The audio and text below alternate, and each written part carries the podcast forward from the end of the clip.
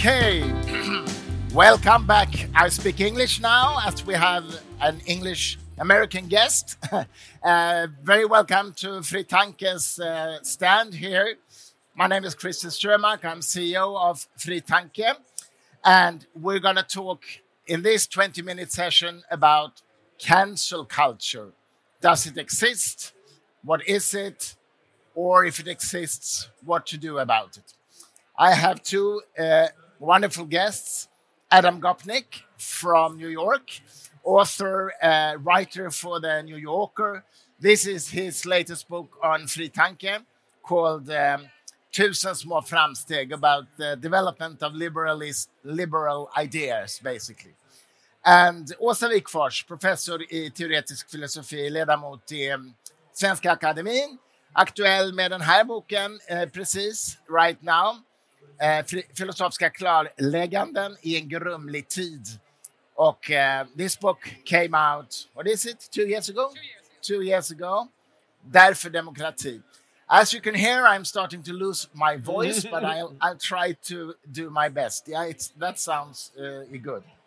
Okay, first of all, in Sweden, there's a lot of discussion about cancel culture people feel cancelled or other people say that that person is cancelled. Before we try to discuss if that's true or not, let's define cancel culture. And let Osa start. Well, how do you define it? Well, it's become one of those terms that, that is applied to a lot of different things. It's cancel culture if you decide not to buy a certain product because you don't like Amazon. It's cancel culture if you uh, don't wear certain clothing. It's cancel culture when you don't want to invite certain people with a certain kind of political profile to the Nobel Prize, yeah, for example. And it's cancel culture in the uh, university campus setting where people are. Um, I mean, sometimes not invited or disinvited or invited, and then there's a lot of student protests going on. Uh, I think these are quite different with different implications for democracy. Not buying a product or not, you know, wearing certain clothes doesn't really matter much. That's the kind of power we have as, as consumers. That's fine. Uh, the, when it, and also not feeling that you need to necessarily invite a certain peop- person to your particular event is also not cancel culture. It it becomes a bigger problem in the academic context, I think, because academia is supposed to have this open debate and search truth, and and uh, that's where we should discuss it. But even there, we shouldn't mix up cancellings, the occasional events, with a culture of cancelling, which implies a regular sort of praxis, established praxis of excluding certain people. Adam, what's your take on this concept? Um, well, I, one way I would um, uh, define it, uh, Chris, in, is to use um, in English, in American terms, I don't know if they translate into Swedish easily, is that there's a very significant difference between censoriousness and censorship. It's natural part of critical dialogue that we're censorious of things we disapprove of. We can be strongly censorious of them. We say of an individual, I don't want to sit down to dinner with that person. I feel that way strongly about uh, wealthy people in New York who support Donald Trump. They, mm-hmm. it's, uh, I, I won't sit down to dinner with that person. I'm highly censorious. That's an, an appropriate and normal part of the reaction. Censorship is the attempt to stifle or prevent those people using legal or authoritarian means from speaking or from being heard, and that's a very different. That's a very different thing. Um, uh, if there is a new wave of censoriousness in America, which we call cancel culture, it very often is based simply on an expanded compassion. We shouldn't say cruel things about gay people or trans people or black people or Jewish people. And that's on the whole a very positive thing. We should be more cautious about being uh, hurtful or harmful to other people. That's a perfectly legitimate debate, and where and uh, where you break it down and and who's the appropriate subject of it is itself a subject. But uh, censorship, the attempt to prevent people from speaking or being heard, is a very different enterprise. And of course, and this is the point: is it doesn't only come from the government; it can come from uh, organized academia, where certain views are known to be unacceptable, or even worse, certain people are known to be unacceptable, no matter what their views are. But I think it's important to separate those two concepts the censorious and the urge to censorship. Yeah, absolutely. No, of course it doesn't come from the government. That's Right. it. That's I Right. mean, real censorship comes Yes, from the yes. government, right? In the sense that state limits your capacity to uh, express your thoughts. That's uh, censorship, um, which in most democracies we don't have that much of. Uh, but this is a kind of, and that's the worry that this is something that has the same effect as state censorship because it silences important voices, and that's the worry. Yeah. Yes, or and you know, in the United States, I also think that it takes a particular turn because the United States is a highly punitive culture. It's not an accident that we have more human beings incarcerated in the United States than in any other country. We like to punish people. It's an American illness. And the basic liberal pluralist idea that I may dislike or disapprove of some part of a human being's history and still value their work or their art, which is where grown up appreciation of the arts begins in separating uh, individual histories from uh, uh, from uh, the works that individuals make. Uh, that's an idea that's harder and harder to sustain, even though we know in every imaginable case we, we can think of from uh, Strindberg to Woody Allen that that's a distinction that you have to make rigorously and all the time.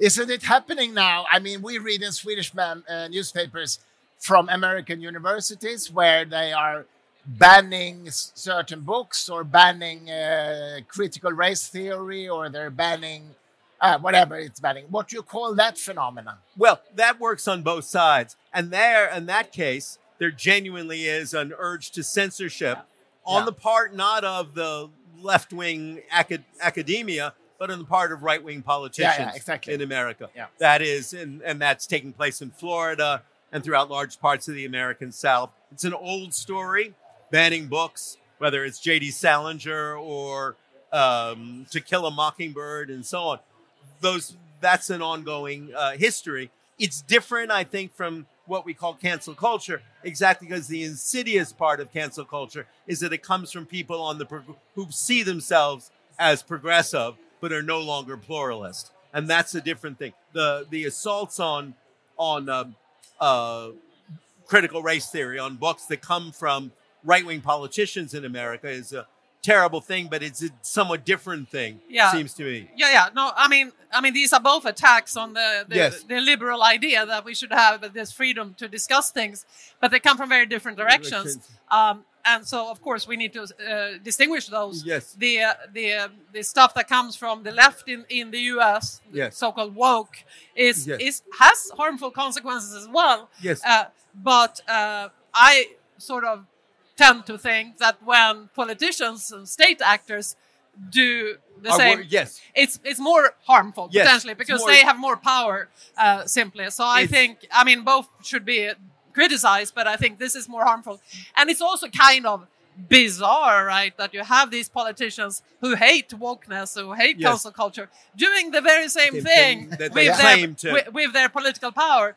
That, but of course, consistency is not something they go for. So No, it, not at all. The, the one thing I think that does come from, uh, for shorthand, we can call the left or the progressive wing, that is very worrying that we may, perhaps don't talk about enough, is the attempt to rewrite or censor the past. So we've seen several occasions uh, works of uh, uh, important classics of American literature that uh, are either not being published. We think of Mark Twain's great anti-racist novel Huckleberry Finn, the greatest anti-racist novel in American literature, which nonetheless includes uh, derogatory language directed at black people because he's reporting accurately on the condition of the American South before the Civil War.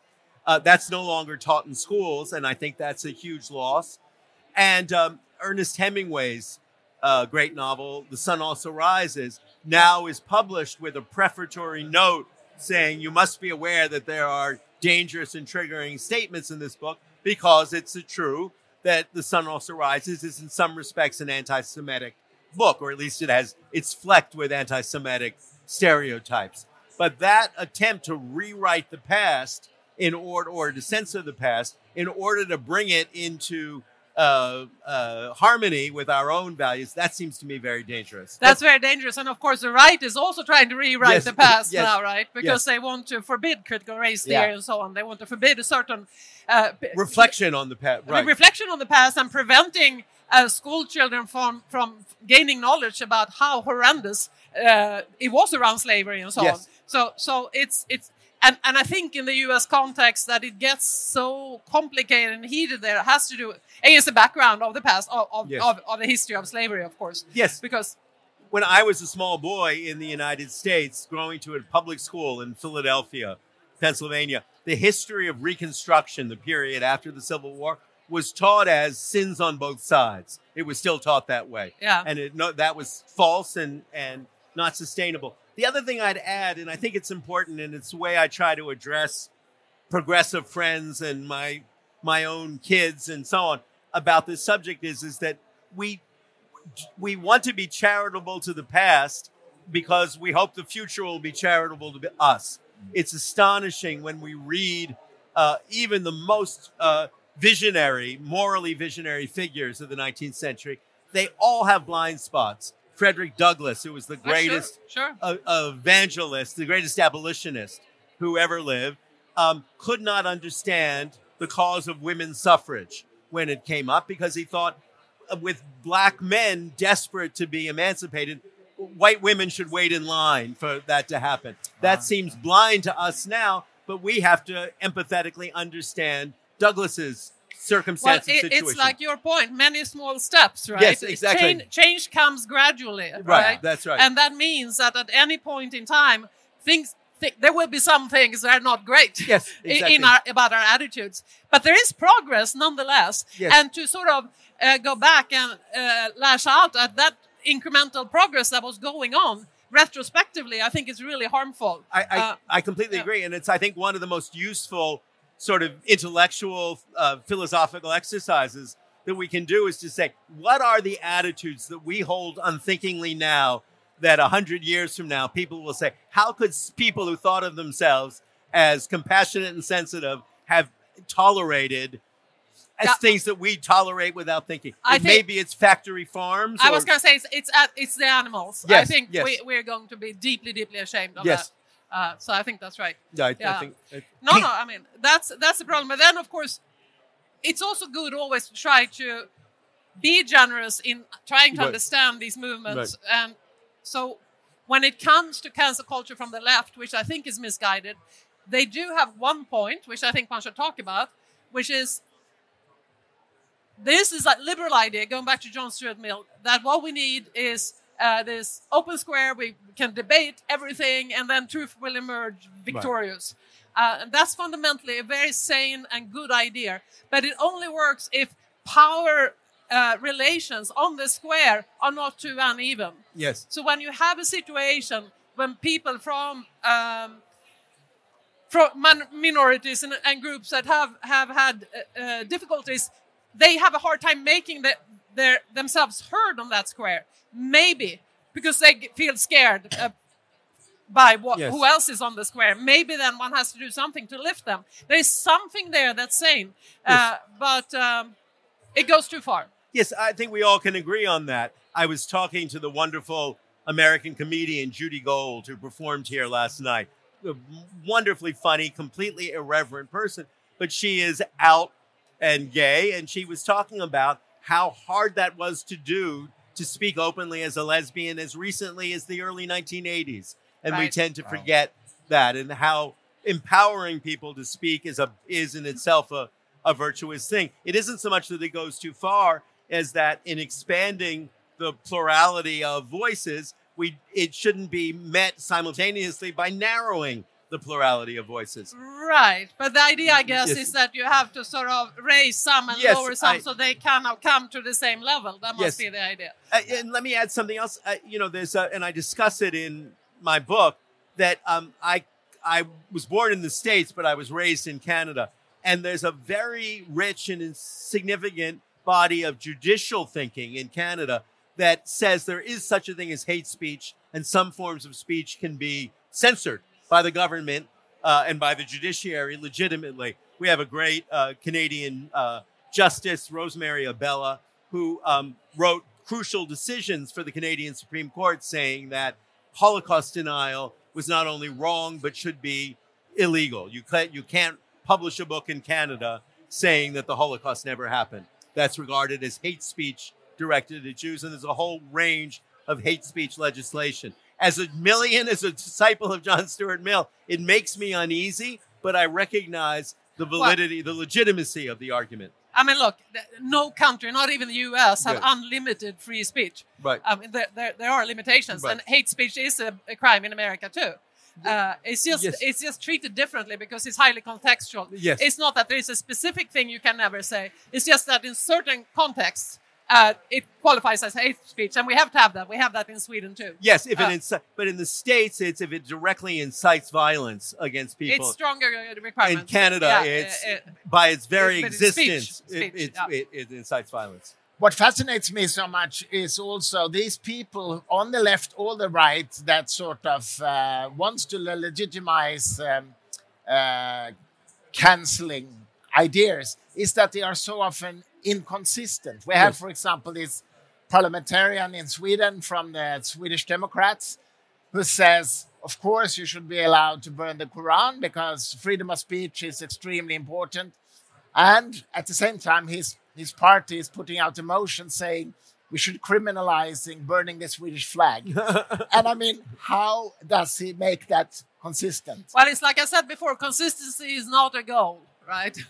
it's not. It's propaganda. So you have to, whenever you see blatant inconsistencies in the position of anyone, you know something uh, tricky is going on and you should be highly suspicious. But I do think Chris raises the, a crucial one of the difficult, one of the hard questions is the question of heresy, because we're all sensitive to it. And of course, the uh, the Charlie Hebdo uh, affair in, in France brought that in a country I know well brought that very much forward. Right, yeah. that um, uh, we believe in the right to be heretical about religion and about everything else, but at the same time, we recognize that those are values and beliefs that are foundational for for people. And uh, how we protect the right to sacrilege while still being sensitive to people's uh, core faith is one of the most difficult problems, I think, for liberal societies in the 21st century. Yeah.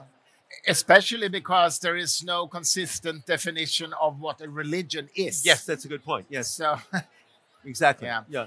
But um, in Sweden, we had a few cases. I'm trying to remember now Åsa, um, Kajsa Ekis Ekman wrote a book about trans uh, issues, right? And she was, as I would put it, cancelled from a lot of speeches that was, was booked on. Well, I mean, we've had a handful of events. Yes. Which, again, I think cancelling is not the same thing as cancel culture. No. Uh, right. right? so we've had a handful of events that are problematic. This one is about uh, a woman who's written about trans and in a way that the trans many trans groups don't like. She comes, she's invited to give a lecture, and there are very serious student protests, yeah. and they cancel the lecture. I think what I think about that is that students protest. That's what they do. They've always done that. Let them protest, uh, and of course carry on a discussion about whether we should really silence people. That's fine. But there, what happens is that universities are cowards, right?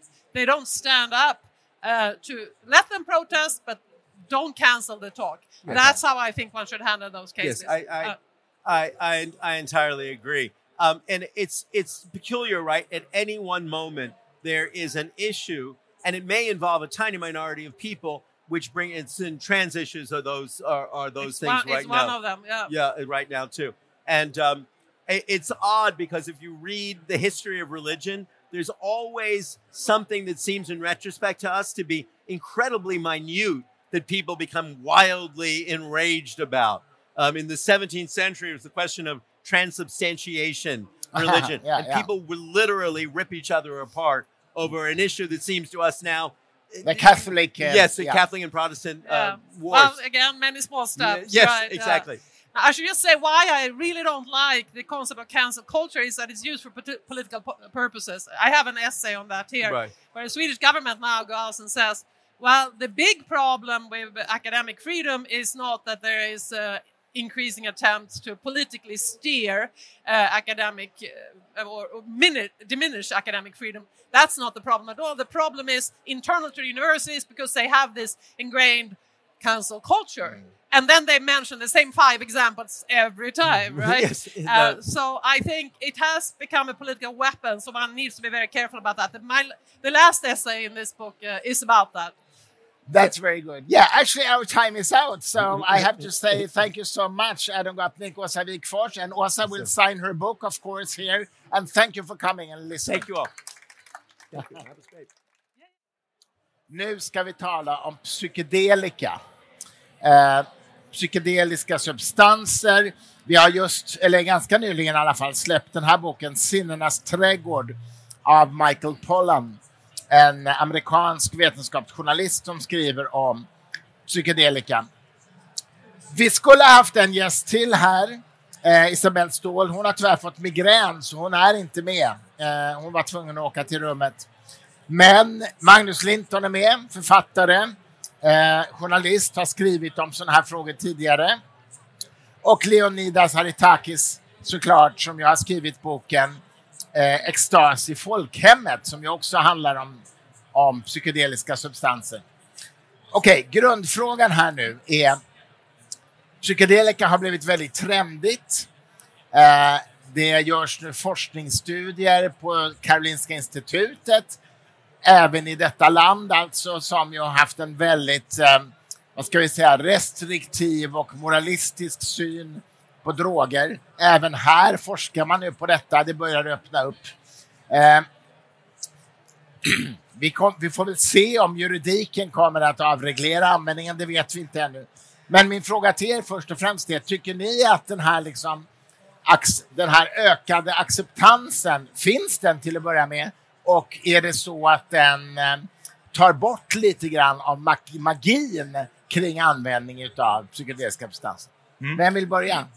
Alltså, uh, ja, eller jag kan säga något. uh, ja, jag tror definitivt svaret på den första frågan är ja. Uh, att det finns en, en helt annan... Det känns lite rundgånget här, men... Det fixar snart.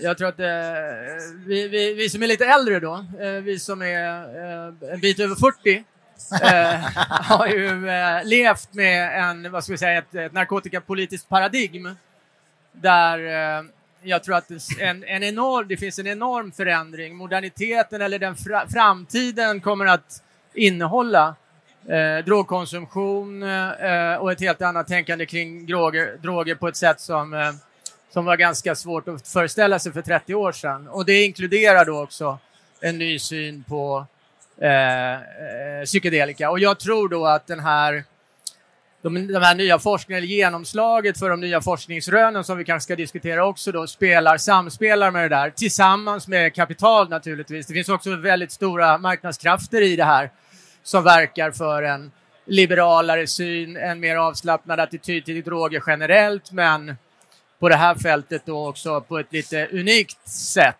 För psykedelika är ju, vilket är, tycker jag är väldigt intressant, och det är en speciell drog den skiljer sig på många sätt från de andra drogerna. Och det är det som är också ett stort framsteg tror jag i, rent kunskapsmässigt i Sverige, att idag har vi en diskussion där vi kan prata inte om knark eller narkotika, utan vi kan prata om olika preparat på olika sätt. Ah. Och då kan vi också förstå deras förtjänster, deras problem, deras farlighet på ett helt uh, nytt sätt. Och, och, och, det är ju kunskapsmässigt ett steg framåt. Sen följs det naturligtvis massor med nya problem. Leonidas? Ja, men jag skulle säga att uh, om vi backar säg ungefär 60 år till ja, år 1965, då kunde man liksom i SVT sända ett tv-program med en DMT-injektion. Alltså DMT är en uh, hallucinogen substans som finns lite överallt i naturen. Det är en uh, komponent i ayahuasca som är ganska bekant som rusbrygd. Och då kunde man sända en sån injektion i uh, SVTs vetenskapsprogram som, eh, ja, det var Bengt Feldreich och Ingmar eh, Leijonborg som eh, höll i det programmet.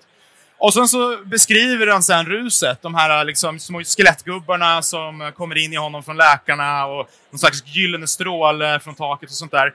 Det, sånt här pratade de om i SVT. Eh, och det är ju i princip fortfarande omöjligt. Äh, det skulle inte gå att sända en, äh, ett sånt rus, tror jag, på, på samma sätt direkt. Men Snart. snart. Det, vi, vi, vi, så vi, å ena sidan är vi liksom på, på väg tillbaka till en öppenhet som egentligen redan har funnits en gång, men som har stängts igen. Men, men också parallellt med det en politisk vändning högerut som eh, där det blir väl, alltså ökad repression mot droger snarare. Och inget parti som driver frågan om avkriminalisering, åtminstone inte med någon slags hjärta i det. Och absolut inte frågan om legalisering heller. Så att, och att det ska vara liksom ökad repression mot liksom missbrukare och sådär, alltså, som vi kommer se. Vi kommer eventuellt inte kunna använda krypterade samtalsappar som signal och telegram och sådär. Vi får se vad, eh, om det prövas sen. Men så att det är de här två olika utvecklingarna. Å ena sidan öppenheten och å andra sidan det här stängda. Som, eh, jag vet inte var det kommer landa. Tror ni, tror ni att, eh, att vi kommer att se en legalisering av eh, just psykedeliska droger i Sverige inom en rimlig tid?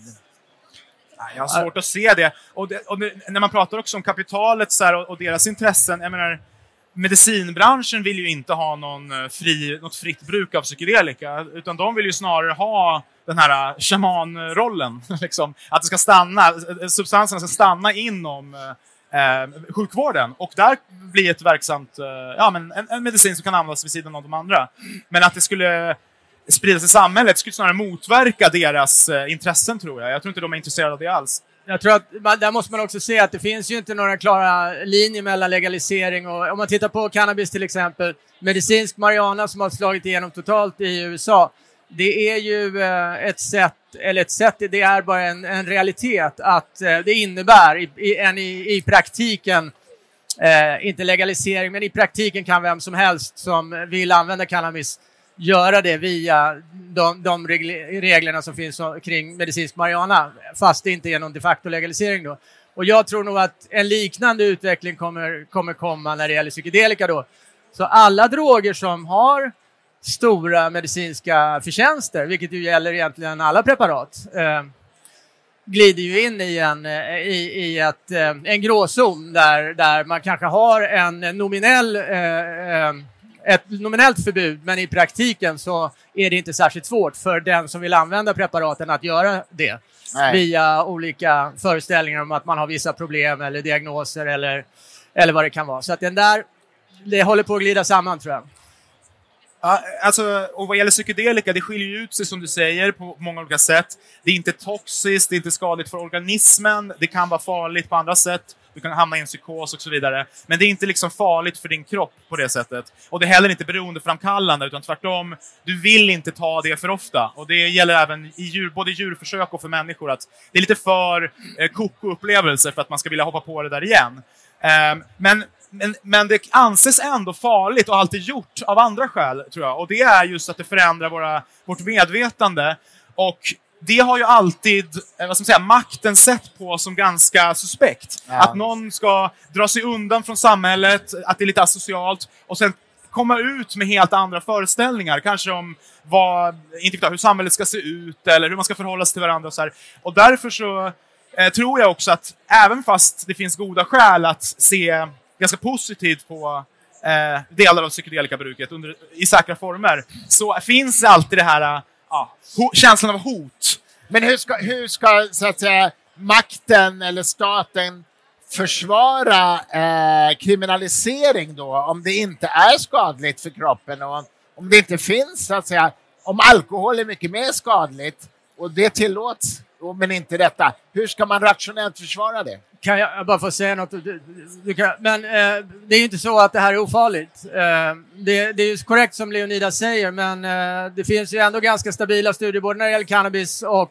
psykedelika, att vissa människor som har läggning åt psykos, det är ju psykosproblematik i det här, som den är inte, det är inte farligt för de allra flesta som inte har, men de som de människor som är ju ganska många, väldigt många människor som har liksom en öppning för psykos, Eh, Eh, och, kan, eh, eller, eller, och då är det inte alls bra. Alltså att ta sådana eller att röka mycket cannabis eller att ta psykedelika är för de personerna väldigt farligt. Eh, åtminstone potentiellt farligt liksom. Eh, även om det är ofarligt för de allra flesta. Vad var din andra? Eh? Nej, men ja, men alltså det är okej. Okay. Men jag menar bara, hur ska samhället försvara att kriminalisera det om det bara är farligt för väldigt specifikt. Det är jättemycket som är farligt för en människa som har psykotisk läggning, så att säga. Att, att vistas i vissa miljöer eller att se på en film med intensiva... Alltså det, inte vet jag, men... Förstår ni vad jag menar? Ja, absolut. Och nu kommer ju ett samtal då där man separerar de olika substanserna Ja. mycket mer och det kan ju verka i den riktningen som du nämner. Men samtidigt så... Eh, alltså det, det finns ju den här föreställningen om att alkoholen är väldigt svenskt och att det hör ihop med vår kultur. Och den går ju tillbaka långt. Linnaeus beskriver det på det sättet också. Ja. Han, beskriver, han skriver väldigt positivt om de psykedeliska ämnena.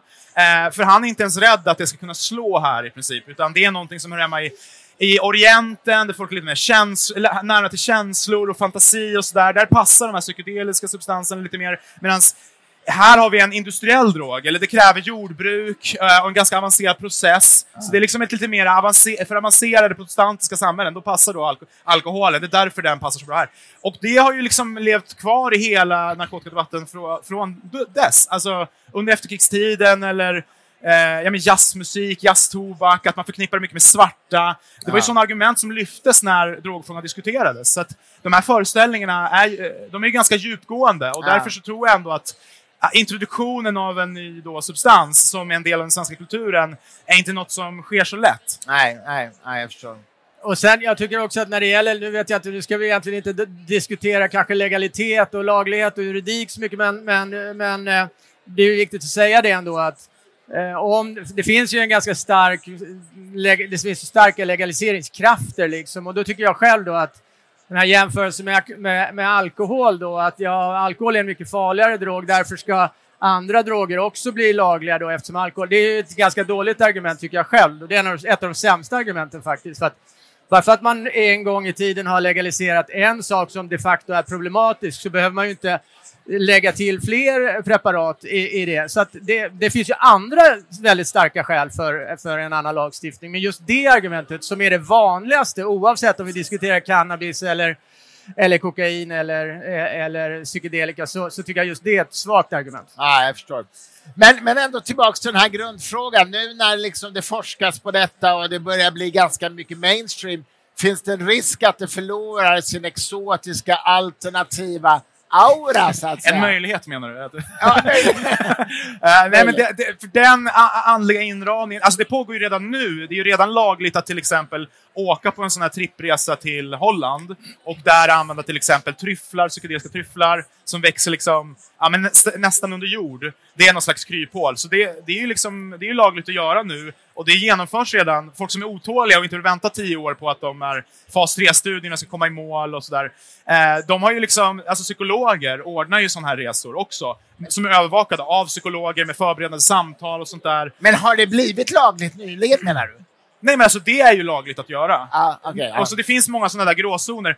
Eh, och då, nu kan de göra det och ändå vara involverade i de här experimenten som genomförs på Karolinska institutet som rådgivare och sådär. Och det de försöker göra är ju att etablera ett sätt att ta eh, substanserna på så att när eh, legaliteten ändras lite grann här i Sverige eller när de här genombrotten kommer, då finns det ett sätt att inta det. Och det påminner ju väldigt mycket om det här nyandliga på något sätt. Och det är ju inte säkert att det bästa sättet att ta, ha ett psykedeliskt rus är på en brits eh, i så här, Sto- Region Stockholm, tapeter och liksom eh, någon så här övervakare som tittar på dig och ska se vad som händer så här, eh, och bedömer och skriver något medan du har ruset. Alltså det, det kanske inte är den optimala miljön heller, men då blir det ju att de har letat sig till de här eh, mera andliga, nyandliga miljöerna för inspiration. Ja. Och det var ju så den här resan, jag har ju åkt, till den här, åkte på den här till Holland till exempel, som de arrangerade. Och det var ju många som, det var en gong-gong och Ja, vi ja. skulle meditera. Vi skulle inte sitta och läsa i pausen, utan vi skulle meditera. Och, så det var ju en sån kulturell inramning Ja. som eh, man kan tycka vad man vill om, liksom, men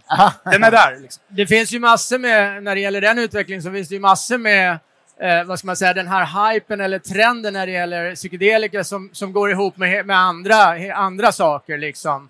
Mer pengar, välbärgade människor söker nya eh, upplevelser, kickar på nya sätt och kan åka iväg på sådana här resor. Det är inte så många som kan åka en helg till Nederländerna utan vidare och sådär. Och så att det finns liksom, och det där har jag skrivit ganska mycket om, det är ganska också maskulint orienterat. De flesta som är intresserade av droger är män. De flesta som skriver om droger är män. Det finns en enorm, nästan patetisk maskulin intresse för, för droger. Jag ska bara säga vad gäller magin och det lagliga. Du, din inledande fråga var ju om det nu blir lagligt och så, så här, svennigt och, och liksom, Ja, vad händer då med vad händer med den här liksom och där tror jag är jätteintressant för att eh, när det gäller narkotika så vad är det fram, de här framförallt männen är ute efter?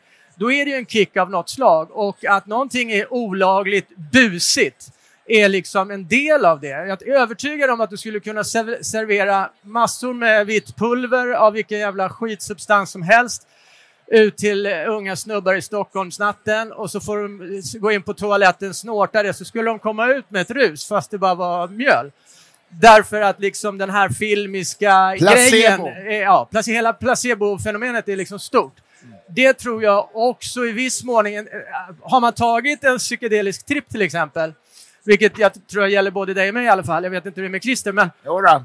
Ja, då, då, då vet man ju också att det där är ju någonting som kräver sin, sin hjälp. Alltså man påverkar ju trippen ganska mycket själv med egen vilja, med kontext, med om man bromsar eller ger sig hän och det är massa saker som spelar in. Så att det är ju inte så att det är några vattentäta skott mellan upplevelse och, och eh, icke-upplevelse i relation till substansen, utan det är, det, är- det, är- det, är, det är mycket mer komplex. Får jag säga något om maskulinitetsfrågan också? Ja. För jag tycker också den är intressant att det finns den här pionjärretoriken. Alltså det liknar ju väldigt mycket ett så här maskulint äventyr, att så korsa en eh, vild flod eller liksom, ko- och så komma tillbaka med skatten till sitt folk. Liksom. Det, är en, det är nästan så här maskulin urmyt på något vis. Och den, det sättet att se på det, det blir ju väldigt störigt när eh, när någon har haft det här ruset och kanske blivit hjälpt och sådär. Det är ju väldigt härligt. Vad kul att du nu liksom har eh, kommit i kontakt med dina känslor på olika sätt, eller du har, kan relatera till din familj på ett nytt sätt och så här, jättebra. Men du behöver inte komma ut ur, och, och, du är ingen guru för det liksom, utan Nej. du är ju, Men- du har ju bara kommit upp i nivå, alltså alla kvinnor vet ju det redan från, från innan, så de behöver inte ta men- psykedelika för att... Men det här är ju intressant för att ni säger att det, att det är maskulint kodat. Samtidigt vet vi ju att new age och nyandlighetsrörelserna är ju ganska feminint kodade. Det är ju fler kvinnor Ja. som sysslar med astrologi till exempel än män. Eller tarotkortsläsning eller whatever liksom.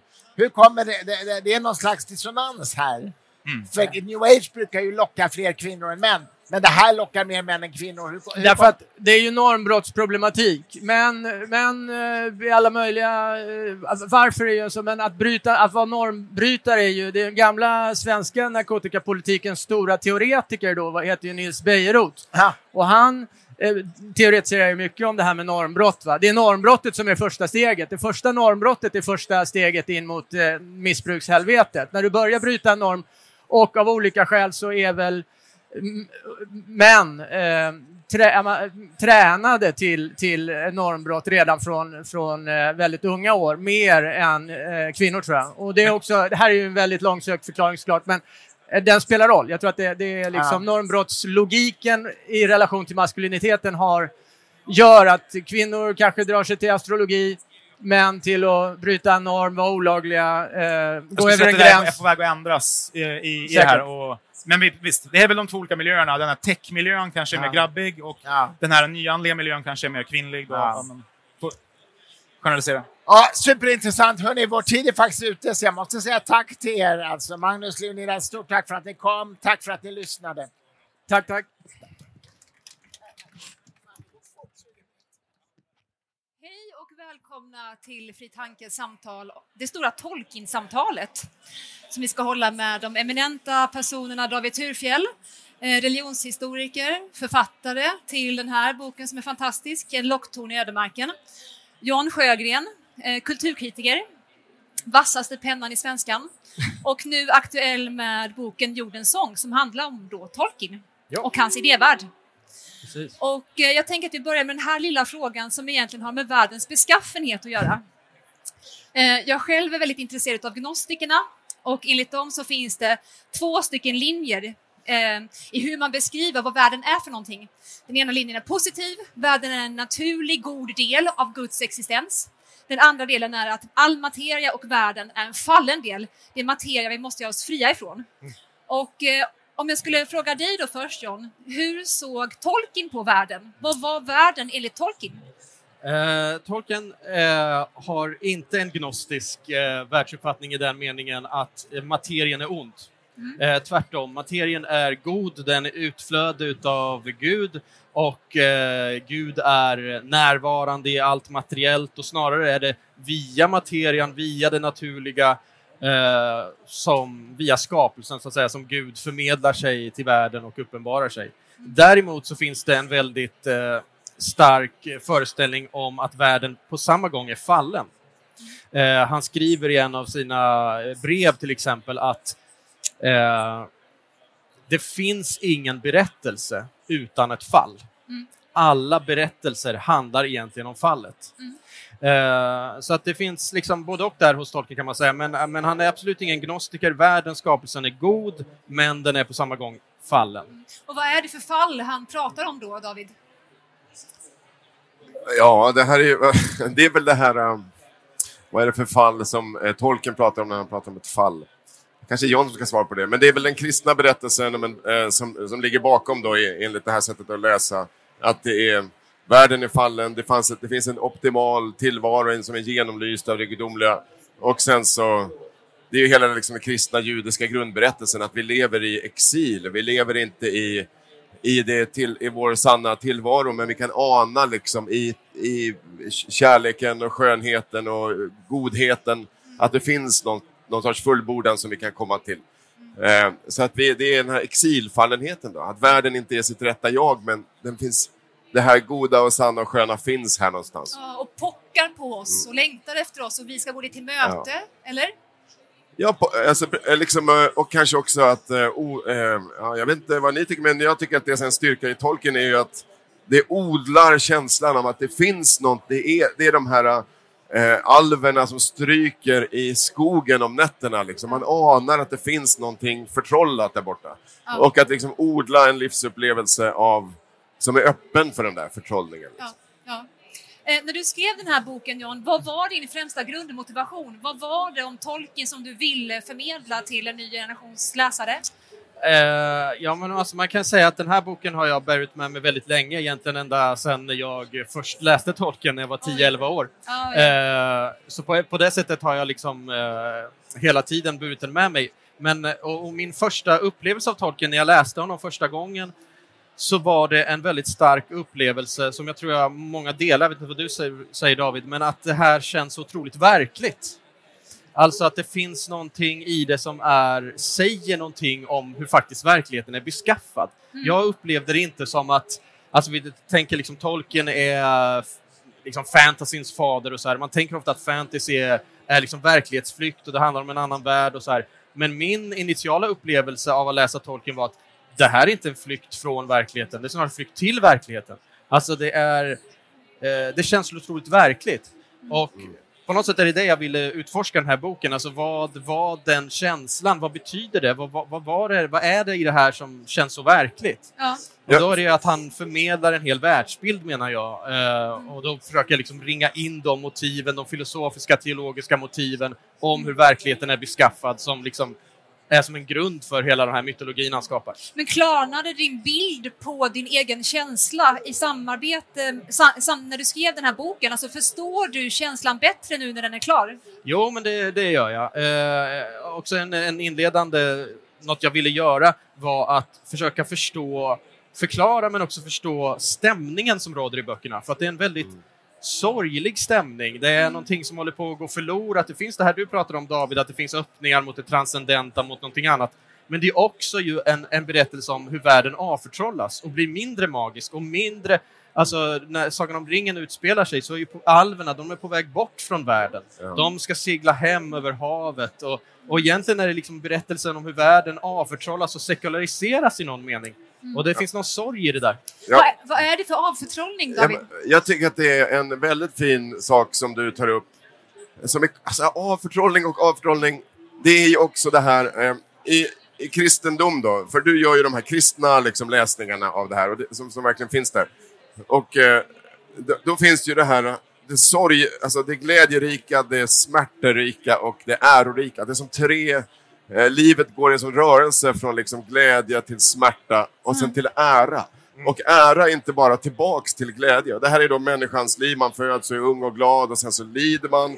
Och sen så uppstår man någonstans då enligt den här kristna historien. Eller hela världshistorien skapas, den faller och det är trasigt. Men den ska upprättas. Och när den upprättas på slutet, då är det inte liksom bara att man är glad igen. Utan då, då är det liksom en glädje som bär sår då. Alltså det är den här, det, upps, det som är i kristna historien med Jesus som uppstår, men han har såren kvar. Och i, Fro, i Sagan om ringen så är det då Frodo har ju misslyckats. Det här tycker jag lyfter fram väldigt fint. Han har ju misslyckats. Han har ju burit den här ringen, han har blivit huggen i, i, med den här dolken, han bär till smärta. Och sen när han ställts inför eldprovet, då misslyckas han. Så han är ju liksom en... en Han- han är också fallen. Fiasko. Och, så, och det är när han då åker iväg då till paradiset här över havet. Då bär han med sig det här såret och att han... Det, och det är det som är att det inte är en ren hjältesaga liksom. Det är inte, det är inte den här åh, hjälten som lyckas och stiger upp och allt är lyckligt. Och det Nej. där ger en sorts eh, underton som ger liksom rikedom tycker jag i hela den här Ja. i berättelsen. Finns det ens en hjältesaga som slutar med den brutna hjälten? Jo, förutom Jesus då såklart. Annars är Ja. det ju... Eh, Tolkien rör sig i den mytiska världen på Ja. ett sätt som C.S. Lewis inte riktigt var villig till att göra, åtminstone till en början. Men när då hjälten visar sårbarhet istället för som tidigare då att den kommer hem med guldet från drakgrottan och sen så delar den ut det här guldet till de andra invånarna och så blir alla applåderar och sen är det slut. Ja. Var han den första tolken som gjorde den här sårbara hjälten? Ja, men han, tar, han tar ju, eh, det är väl hans eh, geni då, att han tar då, han hittar vad som är det, det, det liksom mest eh, starka och intensiva i tidigare sagor och berättelser och myter och sen så bakar han ihop det. Och det här tar han ju kanske från, från den kristna berättelsen som ju eh, onekligen oavsett vad man tycker om den har haft otrolig sprängkraft i liksom i människors liv och fortfarande har det på olika sätt. Eh, men det är nästan ännu starkare för att, om man, det kanske låter eh, hädiskt, men vi är ju på fri tanke. Eh, alltså att, att det är nästan ännu starkare för att Frodo har ju faktiskt misslyckats på riktigt. Ja. Det är inte liksom att han, har, åh, han lider liksom, eller det är svårt för honom eller han har ångest, utan han har faktiskt misslyckats totalt och fallit till offer för den här frestelsen. Och ändå får han liksom komma hem där. Tolkien eh, tänkte ju det där att det, det fanns en liksom, kristen poäng i botten där, för att han, han avskydde ju allegorier. Och han Ja. ville ju inte skriva en kristen allegori. Så man ska ju inte läsa Tolk, eller Frodo som en renodlad Kristusfigur. Utan Ja. han är ju en vanlig liksom, skapad varelse. Och i slutändan så kan han, ingen skapad varelse kan göra det här Kristuslika offret. Så att, eh, att han misslyckas är liksom, han visar på att ja, men i slutändan kan ingen förstöra ondskan, utan det är bara liksom försynen då till slut som gör att ringen förstörs. Eh, och sådär. Aha, tr- tror du att han tänkte så? Försynen. Ja, precis. Det, är, alltså, det finns ju en väldigt Vad stark... menar eh, du med tanke. försyn där? Ja, jag har ett helt kapitel här om Guds Att det, försyn, finns men- en god, det finns de här onda krafterna som verkar, men det finns också Ja. goda krafter liksom, som också verkar på något subtilt sätt.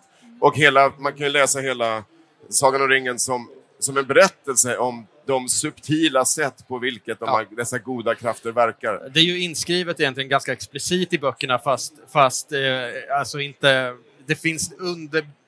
Det finns i lagren under, men det är liksom inte jättedolt, utan det finns att man hittar det där. Alltså det är ju till exempel när Gandalf säger att... Alltså hur, så här, hur förstörs ringen? Jo, den förstörs ju genom att eh, Frodo misslyckas, han tar den på sig, han säger jag behåller ringen, den är min. Kommer Gollum och biter av fingret och ramlar liksom ner i elden. Och då kan man fråga sig, men okej, va, varför var Gollum där överhuvudtaget? Jo, han har ju överlevt för att Bilbo vid deras första möte visade honom barmhärtighet. Sen så fick eh, får Frodo Ah. samma chans. Han har, han har eh, svärdet mot strupen, men han drabbas av medlidande och säger nej, jag kan inte döda honom. Till sist får Sam samma möjlighet. Han har också svärdet mot hans strupe, men nej, jag kan inte göra det. Jag, med, jag visar medlidande och kärlek. Och då, så det är förutsättning för att han finns där vid precis rätt tillfälle. Det är liksom att de medverkar, handlar i enlighet med liksom verklighetens grundvalar Det som Tolkien så godaste. det godaste som är, som är kärlek och medlidande. Handlar man i kärlek och medlidande, då liksom medverkar man i Guds plan då på något sätt, eller Guds Och försyn. Världens stora utformning. Ja. Mm. Och, men de gör det med sina fria val, så att säga. Så det är inte den här Guds försyn som går in och styr liksom som en puppet master allting, utan det, de är fortfarande fria, ha- handlande individer, men Men det är också att de väl, eh, jag vet inte om det är en tematik som du kanske inte har med, eller har du det någonstans? Alltså att eh, de väljer också det här att, vara, att vara, inte gå med de stora arméerna, inte Ja, gå in i de stora organisationerna, utan att vara de här små, lita på de små relationerna, de nära Mm. vänskapsbanden och så här. Och det är det då, det här lilla och hemtama och trevliga som på något vis störtar då Precis, och imperier. det säger ju Gandalf också, att det är så vi måste göra, för den logiken kan inte ondskan förstå. Är det något som Sauron inte kan förstå, då är det att vi skulle säga nej till makten. Att vi liksom inte skulle utnyttja ringen, utan att vi skulle skicka den minsta av alla varelser in i hans eget rike och försöka förstöra den. Det är den enda logik som, han, som liksom ondskan inte kan förstå. Vilket ju också är väldigt kristet då att Gud kommer till jorden som det sårbaraste av allt, som det lilla eh, nyfödda Ja. barnet. Men apropå ondskan då, vad är ondskan för någonting enligt Tolkien?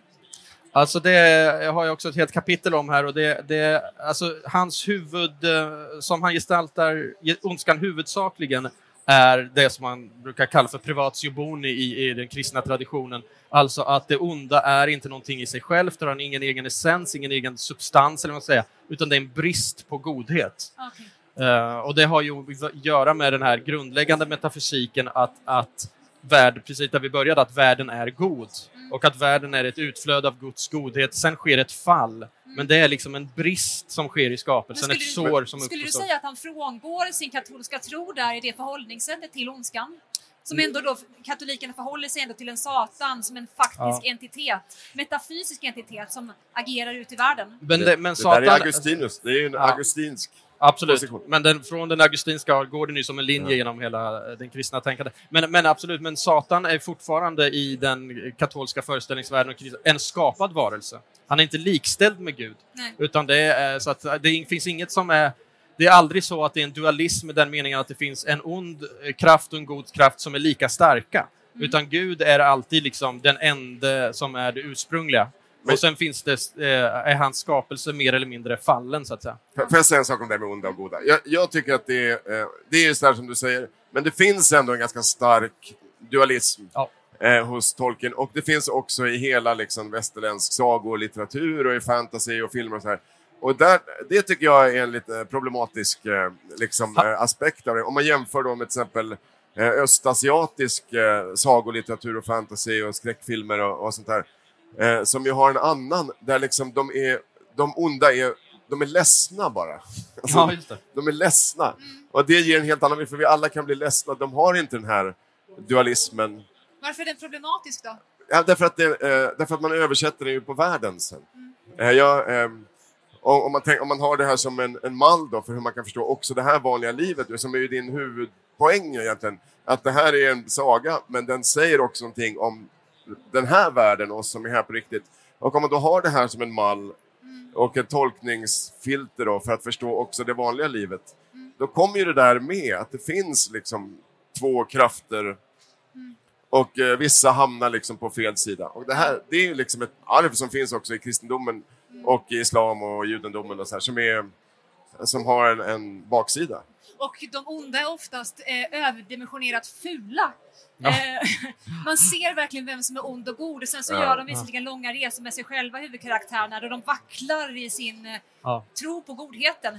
Men eh, det är ju nästan en romersk syn att det som är fult också är ont. Ja. Eller det som är handikappat också är någonting illa vi ska bli av med. Ja, ja. ja, det finns ju många sådana kritiker som... David, innan vi började prata lite, förlåt, så sa du till mig Berätt, pra, ta inte upp hemligheterna. Berätta inte om hemligheterna. Ja, jo, Vad men, är det för hemligheter Jo, men- vi inte får prata om? jo, men för att när jag hörde att du hade den här boken på gång då John, det var ju... Vi sågs ju, jag gjorde en poddinspelning om den här boken. Och då berättade du att det här är Tolkien-boken. Och då tänkte jag, nej, nej, nej. Nej. Eh, och det, och det kände, alltså jag kände en bävan då. Och inte för att jag inte är intresserad av det här. Jag känner att det är en otroligt fin bok och jag liksom delar verkligen det här engagemanget och läsningen på många sätt. Men jag känner att det är en, en hemlighet. I den här boken, min bok som handlar om sådana här teman också på många sätt, Tolken nämns ju inte alltså. Det Nej. finns inte med med ett ord. Men samtidigt så dryper den av Sagan om, Sagan om ringen i någon sorts undertext. Mm. För att jag har också den här barndoms eh, och genom hela livet den här eh, känslan för Sagan om ringen. Men jag har tänkt att det är någon sorts... Man, man, man kan avförtrolla någonting genom att lägga ut texten om det också. Och eh, jag har haft det där som en sorts en speciell känsla för den här boken som jag har delat med vissa då. Och man, vi har vetat liksom att det är, vi, det är vi som förstår det här på ett vis. Eh, och då ha, har jag känt så här, men nej, gör inte innehåll av det här nu. Den men jag, jag hoppas att jag inte har förstört liksom, tolken för det här. Nej, nej, nej. nej men jag, du har ju gjort en, eh, och det här är, tycker jag är en intressant grej. Du har gjort en sorts, eh, det är liksom en homiletisk alltså, bedrift. Vad är det? Alltså, predi, predikokonst. Alltså, du det är ju en tolken-exeges. Alltså, man tänker en präst som läser lite i Nya Testamentet och så lägger man ut texten om det här. Ja. Och liksom förstärker det man läser genom att ta in sina egna berättelser och jämföra med filosofer och så här. Det är ju liksom predikokonst och homiletik. Eh, och då gör man en, en, en tolkning av bibeltexten. Och eh, religiösa sammanhang när man läser en text, till exempel Bibeln för kristna eller judar eller muslimer som läser Koranen, då är det en poäng att man tänker att den här texten är sann. Alltså det händer någonting med läsandet av en text. Om man liksom struntar i sitt tvivel för en stund och nu läser vi detta som om det vore sant. Det händer någonting med texten. Och du gör ju det med Sagan om ringen. Du läser den som om den vore sann och talar om den som om den vore sann och då händer ju någonting också. Det var ju, det var ju alltså, där går jag ju, jag gör ungefär som tolken själv ville att man skulle göra. Han spelade ju på det också när han eh, presenterade den, att det här var någonting som han sa, det här har inte jag hittat på, det här har jag upptäckt. Och han gör ju en hel sån, det finns ju inskrivet en sån metanivå också i, i Sagan om ringen, att, att han har hittat den här liksom Westmarks röda bok och, och det här är liksom källor jag har hittat och nu bara förmedlar jag någonting. Och det här, han lekte ju med den tanken att, eh, som sagt, det, det handlar inte om en annan värld, utan det handlar om vår värld och det här är liksom vår mytiska förhistoria. Eh, så att han, han ville ju att man, man skulle Ja. gå in i det med den läsningen, att man skulle tänka sig att ja, men det här är sant. Och då tycker jag det är intressant att, liksom, att, att gå in i det och, Ja, och tänka sig, ja men det är sant då, okej. Vad händer när vi, när vi gör det och läser det med den blicken? Jag har hört att Tolkien var i en livslång fejd med sin svenska översättare. Ja, och Olmarks. Oh ja, oh ja. Och att den här översättaren då la ut texten lite själv så att när han tyckte att Tolkien inte gjorde jobbet bra nog då valsade han ut textmässigt och la till saker, tog Ja, bort ja, lite ja, ja. saker. Det är otroligt! Ja, nej, men den, det- Åke Olmarks översättning är ganska förfärlig faktiskt. Även om det är den som man är uppväxt med och har någon slags kärlek till den och många av namnen och sådär. Men, men det, det är en välsignelse att Erik Anderssons översättning har kommit och den finns nu att tillgå för att, eh, ja. Ehm, finns det något mer sätt som eh, Tolkiens katolska tro utmärker sig mer än att det är då en Jesus-symbolik som finns i kärnan?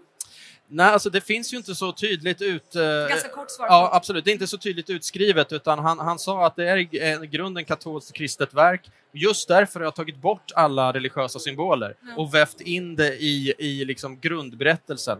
Så att det är inte, man ska inte gå och leta så här kristna katolska symboler, att det, Galadriel eller Jungfru Maria så, för då går man vilse. Det, det, han är, skriver inte på det allegoriska sättet och han avskydde den typen av skrivande. Och därför han var kritisk till C.S. Lewis Narnia-böcker till exempel, Ja, som han tyckte var för övertydliga kristna allegorier. De är väldigt tydliga. Ja, och han ogillade det. En kort eh, sak, sen ska vi ta en avslutande fråga. Okej, alltså det finns ju en, en sida, i det är ju en sorts modernitetskritik Mm. som, eh, som du uttrycker i den här boken, som Tolkien har också. Eh, och Okej, kanske inte hinner det här då, men den kan man fråga hur långt går den då? Och, eh, för det blir ju också en vetenskapskritik. Alltså det kan bli en... Eh, man skulle kunna säga det i förlängningen så kan det koka ner till en sorts kritik av den vetenskapliga en vetenskaplig världsbild och den vetenskapliga metoden som ju bygger på en, en modern eh, förståelse av Ja. verkligheten. Eh, så det kan man ju diskutera, vad, blir, vad det blir en krit, i, i förlängningen då, vad blir konsekvensen av den här typen av modernitetskritik? Det är verkligen ett samtal för sig. Eh, en avslutande fråga nu innan vi eh, ger oss iväg ut i minglet igen. Eh, vad tror ni att Tolkien kan lära den moderna människan idag i de här dystra, dystra tiderna? Att läsa honom alltså. Om vi börjar med dig John. Ja, men alltså min grundtes, eller lite det jag utgår från här, är ju att, att väcka förundran inför tillvaron och inför verkligheten. Eh, det skrev han själv i den här essän om Fairy Stories, att han tyckte det var sagans och mytens grundläggande uppgift är att eh, på nytt göra oss häpna inför rött, gult och grönt, som man säger. Så att se det ordinära, det extraordinära i det ordinära, så att Det säga. är väldigt Det bra. David, Ja, kort. men, eh, jag håller helt med om det. Jag, min bok har, gett- har ju undertiteln om förmågan att besjäla världen. Och eh, det är ju någonting som sker inom religiösa system, men det sker ju också inom konst och litteratur och genom sagor och sånt här. Och eh, för mig var det verkligen det som tolken gjorde när jag läste i mellanstadiet. Att det, det väckte världen på något vis. och väck den själv. Det väckte en sorts kärlek till, eh, till världen. Tack för att ni kom. Jätteinspirerande. God morgon, eh, god middag och välkomna till eh, det här samtalet om postmodernismen eh, tillsammans med två litteraturvetare som har varsin bok i ämnet. Det är Frida Bäckman som är aktuell med en helt ny bok som heter just Postmodernismen. Eh, om man läser de tre eh, delarna av titeln där. Eh, kom ut alldeles nyligen. Ja, för um, någon månad sedan eller två.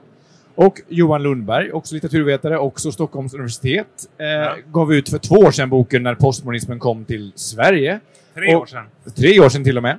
Eh, jag som leder det här samtalet heter Andreas Johansson Hein och jobbar till vardags som förläggare på Timbro förlag. Eh, och jag ska fördela ordet mellan er. Eh, och postmodernismen eh, är det många som pratar om och har åsikter om, men det är ofta väldigt flytande och diffust vad som eh, egentligen avses. Istället för att börja i en definition skulle jag vilja be er exemplifiera. Frida, om du skulle förklara för någon som inte vet alls och exemplifiera någonting postmodernt i samhället, vad skulle du säga då? Oj, och så ska jag inte börja med att vara så här akademisk, så det beror på vad man menar. Om man menar ja. Men om man tänker postmodernism i, i termer av konst till exempel, då vet jag att eh, det gick upp ett ljus för min dotter när jag sa så här, men tänk dig en, en vacker oljetavla och sen sätter du på ett så här klistermärke med McDonalds på. Då, blev det, då fattade hon vad post, alltså po, det här postmoderna, postmoderna, både estetiken men också något i att gammalt och nytt blandas, lågt och högt. Lekfullheten. och Lekfullhet, lite respektlöshet på något sätt inför traditioner och sådär. Ja. Johan, vad är ditt svar på samma fråga? Om du ska exemplifiera postmodernismen. Ja, men alltså... Jag, jag håller väl med Frida i att om man ska exemplifiera konsten så skulle det bli på det där sättet. Men jag har ju... I min bok arbetar jag egentligen med en stipulativ definition av postmodernismen som en viss typ av, egentligen tankefigur som jag följer från 1970-talet och fram till idag. Och där är det ju, förbinds ju, skulle jag säga, postmodernism. Den här tankefiguren leder fram till en massa problematiska ställningstaganden i nutiden som har att göra med förnekelse eller relativisering av eh, hederskulturer. Eh, det är liksom eh, negligerande av vissa problem i samhället som har att göra med till exempel klaner och så vidare. Och, ja. Där fick vi två helt olika ingångar direkt. eh, om vi, eh, innan vi kommer fram till nutiden, ska eh, ta en lite kort historieskrivning. Eh, Frida, du ger ju några olika exempel i din bok på hur man har daterat postmodernismens födelse. Ja, Eh, kan du säga någonting det. kort om det? Precis, det var 1972, jag tror det var 6 juli klockan 14.35 eller 4.33, jag minns inte exakt, men det var då postmodernismen börjar. Vilket naturligtvis inte stämmer, men det var en arkitekt som är förknippad med, eh, med postmodernismen. Det, det, själva begreppet eh, liksom började användas först just inom, inom arkitektur. Och eh, det, och, men det funkar ganska bra som symbol, eller figur i alla fall, just det här datumet. För då rev man ett byggnadskomplex i, i USA som hade byggts i en sån, dels att det var en modernistisk lite eh, arkitektur men också en ambition att nu ska vi bygga ett bättre, ett godare samhälle. Vi ska eh, se till att människor mår bra, bor tillsammans, det här. vi ska se till att det finns service. Men det bara blev ett eh, en slum väldigt fort. Och då menar han att, ja så fick man riva det några år senare för att den typen av ansats funkade inte riktigt längre. Samhället hade förändrat sig så mycket blivit så där han menar väl så hyperkapitaliserat, så individualistiskt, så problematiskt på massa sätt så att de här modernistiska visionerna inte riktigt var gångbara längre. Och det där blir ju som en symbol för ett skifte i tiden. Moderniteten tar slut och så börjar en ny tid som är lite osäker, som man kallar då för den postmoderna, eller postmoderniteten. Och i din bok skiljer du också mellan tidsepoker, estetik, tankefigurer. Så du, du gör, menar att postmodernismen kan betyda olika saker inom olika...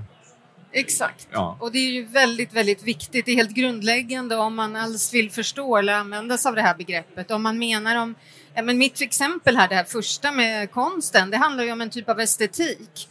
Och det, när man pratar om estetik, då kan man ju välja att gilla eller inte, se något värde i eller inte, um, tycka att det är menlöst eller superdjupt. Det är ju det är ju inte något som är rätt eller fel när vi pratar om estetik. Så det är ju en sak, hur, hur estetiken ser ut. Sen handlar, pratar man om den postmoderniteten då som en period som har att göra med samhällsutvecklingen. Och den kan man ju också tycka olika saker om, men den är lite vad, det, vad den är ju. Och sen beror, kan man tolka det på olika sätt. Sen har vi då teorier som ofta, det, det klumpas ihop något som heter postmodern teori, vilket egentligen inte finns skulle jag säga, men det finns massa teorier om postmoderniteten de som förklarar hur samhället utvecklats. Och det gör de ju, det är inte något normativt utan det är liksom deskriptivt. De försöker förklara vad som händer. Och sen har vi massa teorier kring språk och eh, litteratur och sånt som är mer kanske kan, brukar kallas poststrukturalistisk teori. Jag tror att det är det Johan menar är den ja, postmoderna är det. Ja. det. Det som jag benämner postmodernism är ju egentligen poststrukturalistiska eller vissa poststrukturalistiska teorier. Och som sagt var, det är den tankefiguren som jag följer egentligen från 1970-talet och eh, fram till idag och som jag menar har haft ett väldigt negativt och destruktivt, eh, en destruktiv inverkan på eh, svensk idédebatt och svenskt akademiskt liv.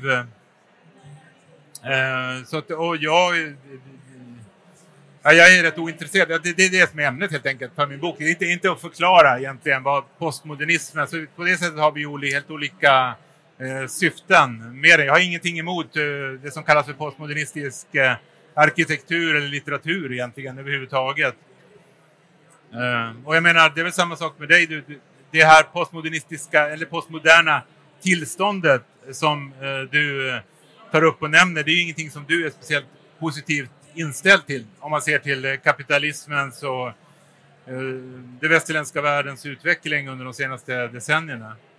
Nej men exakt, precis. Det handlar ju om att eh, ett sätt att analysera och igen, vi, behöver, vi kan tycka om eller inte, men att de här teorierna om postmoderniteten handlar Jag kan tycka att vissa av dem Vissa är ganska förlegade, men flera av dem kan faktiskt hjälpa oss att förstå massa fenomen som har blivit extremt tydliga idag. Jag tänker på det här svajet mellan eh, vad som är verkligt och vad som är fiktion och vad som är eh, bild och vad som är eh, sant och falskt och allt det här som ah, vi brottas med jättemycket idag. Det skrev ju de här teoretikerna om på 60-70-talen så att där kan vi faktiskt få lite hjälp. Så ser jag på det, inte att de har ställt till det utan att de faktiskt också kan hjälpa till och förstå den här röran vi befinner oss i. Men Johan, du är ju inte ensam om att se problem med postmodernismen. Du, du tar också avstamp i din bok i ett antal saker som postmodernismen skylls för att ha förstört. Allt ifrån skolan till demokratin och ja. Donald Trump och så. Mm.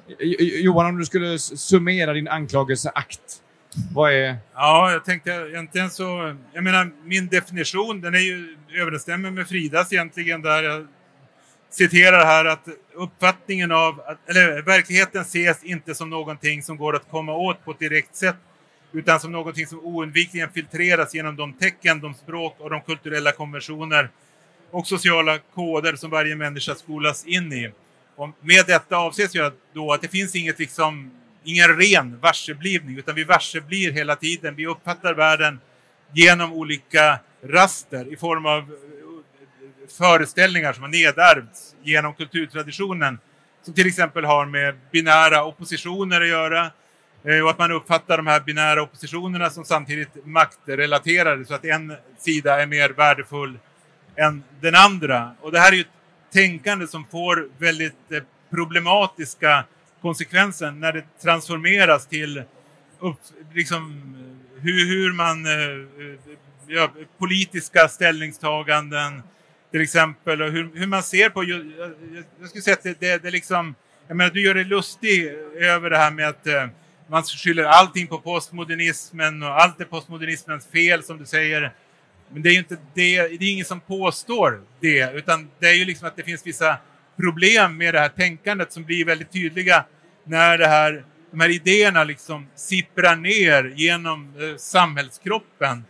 Och jag skulle säga att, eh, jag, menar, jag tog som ett exempel där med, med eh, hedersförtryck till exempel. Det går inte att komma ifrån att jag tycker jag ger en bra bild av de här problemen. Därför att det är, alltså det, det, det är obestridligen så att det är vissa teoretiker i Sverige som har fått ett väldigt stort inflytande genom att de har eh, blivit tillsatta att skriva statliga utredningar och använts som experter i olika sammanhang. Och de har då med utgångspunkt i de här, den här postmodernistiska tankefiguren som jag redogör för fått någon sorts, uh, menar sig ha vetenskaplig legitimitet för de här åsikterna som till exempel att det inte finns något hedersförtryck som ju var någonting som liksom vi matades med under flera årtionden.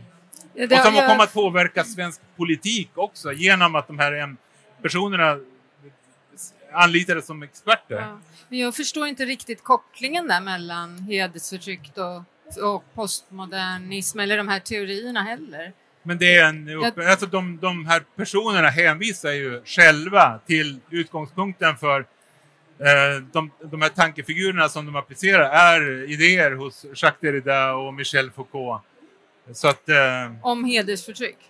ja, nej, men de, deras liksom, mitt, det synsätt som jag har tar sin utgångspunkt i de här idéerna. Det, det jag förstår inte, det, det är ju helt vedertaget.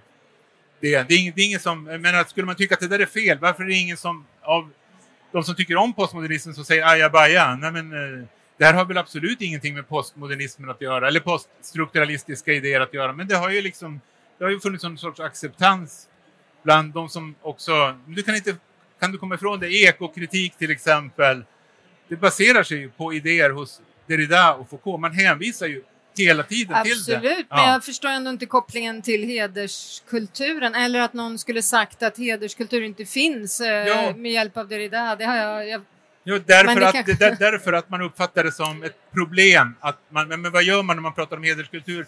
Jo, det man gör är att man jämför två olika kulturer med varandra. Man utgår ifrån en föreställning om att det finns fundamentala skillnader Mm. mellan olika kulturer. Och den åsikten, eh, så att säga, kan man få belägg för genom att ja, men det är det som de här idén om de binära oppositionerna och att de är maktrelaterade. Det är det som är den idé som man stöder sig på. Så att du tycker att det är problematiskt att man ser hedersförtryck som maktrelaterat? Förlåt, jag Nej. försöker verkligen förstå, Ja, men, det- vi men kanske får va- va- gå varför förnekar man hederskultur? Jo, man gör det därför att de som kritiserar hederskultur menar man från poststrukturalistiskt håll då hänfaller åt en idé där man ställer olika kulturer mot varandra. Där man arbetar med en idé om att det finns en liksom kultu- kulturella essenser. Och det, du, tyck, du tycker det finns kulturella essenser, men det tycker Nej, inte men de det är ingen kallar som tycker att det finns postmodern. kulturella essenser i och för sig. Eh, men, ja, men, eh, Vi kanske får ta en ni, egen... Ni, ni verkar inte vara helt överens eh, k- kring detta. Men, men Frida, om jag ställer frågan till dig. Eh, I vilken mån ser du att det finns utrymme för, om vi bortser från exemplet med hedersförtryck och så, som du uppenbarligen inte delar och så.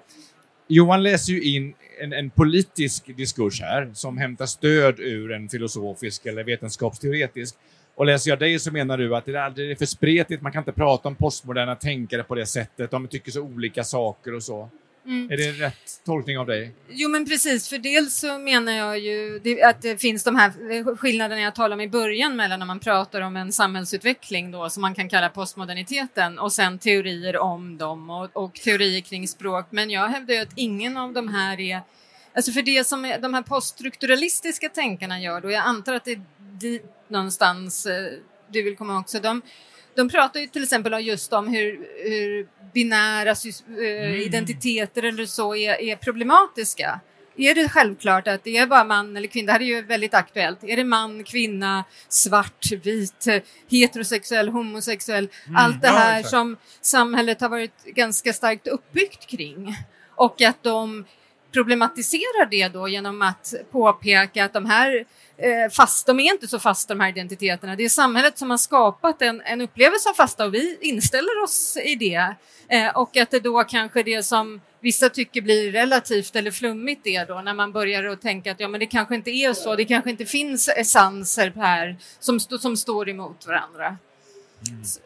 Men och, också i förlängningen då, essenser eller inte, men eh, går det ens att jämföra, går det att värdera, går det att säga att ett demokratiskt ku- system är bättre än ett icke-demokratiskt, att en kultur är mer framstående än en annan? Finns det utrymme för den typen av normativa ställningstaganden i en postmodernistisk diskurs?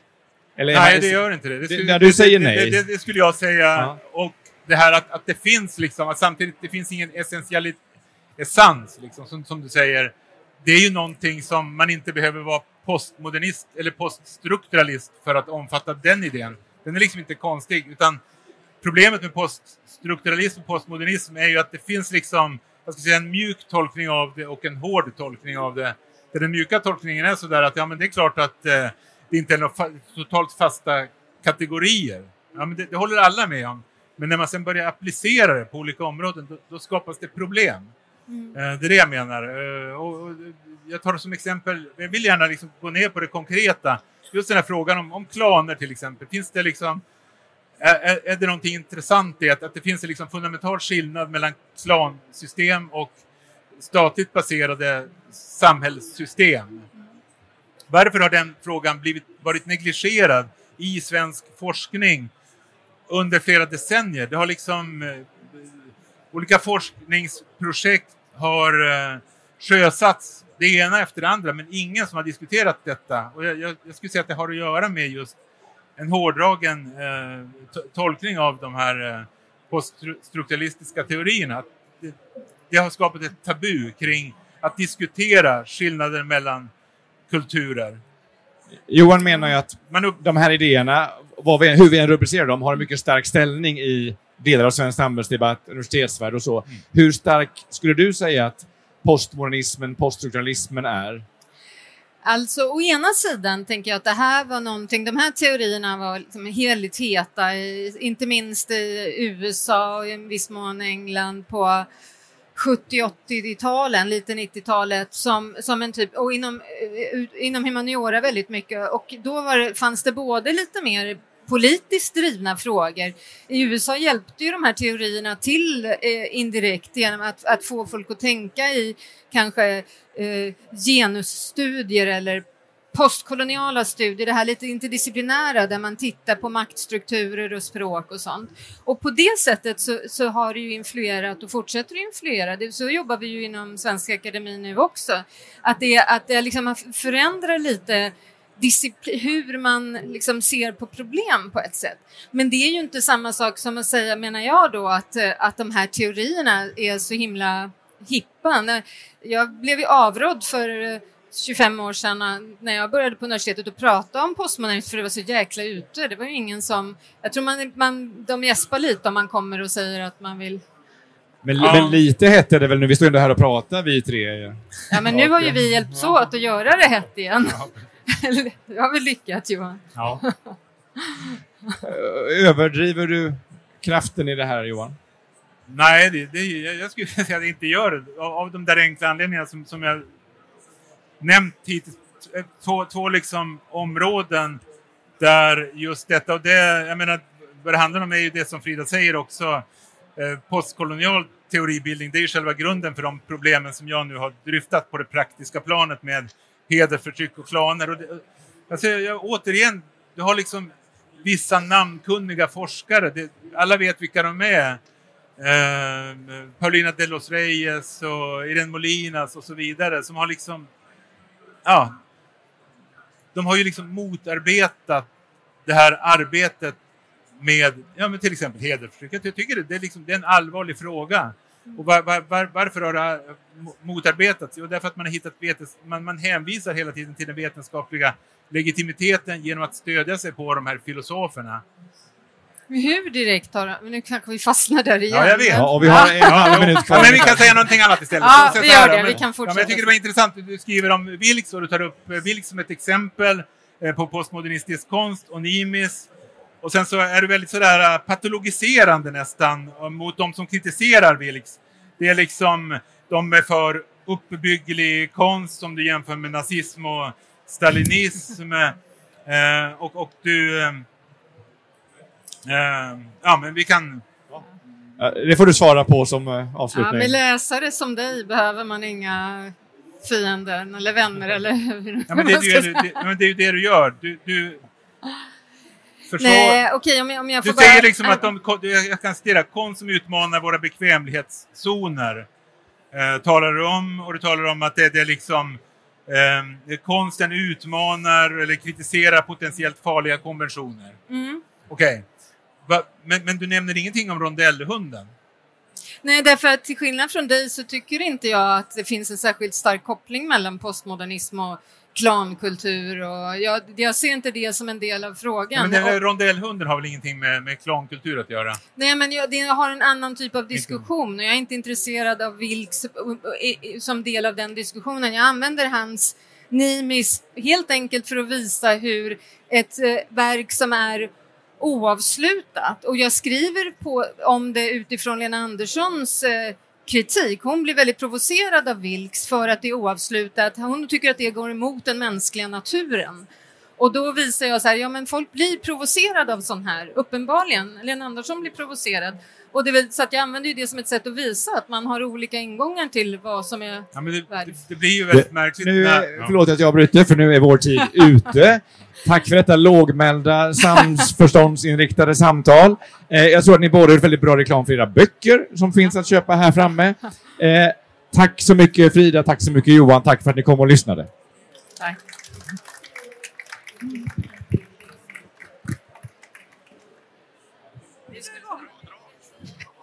Ni redo? Vi är alltid redo. Vad härligt! Ja.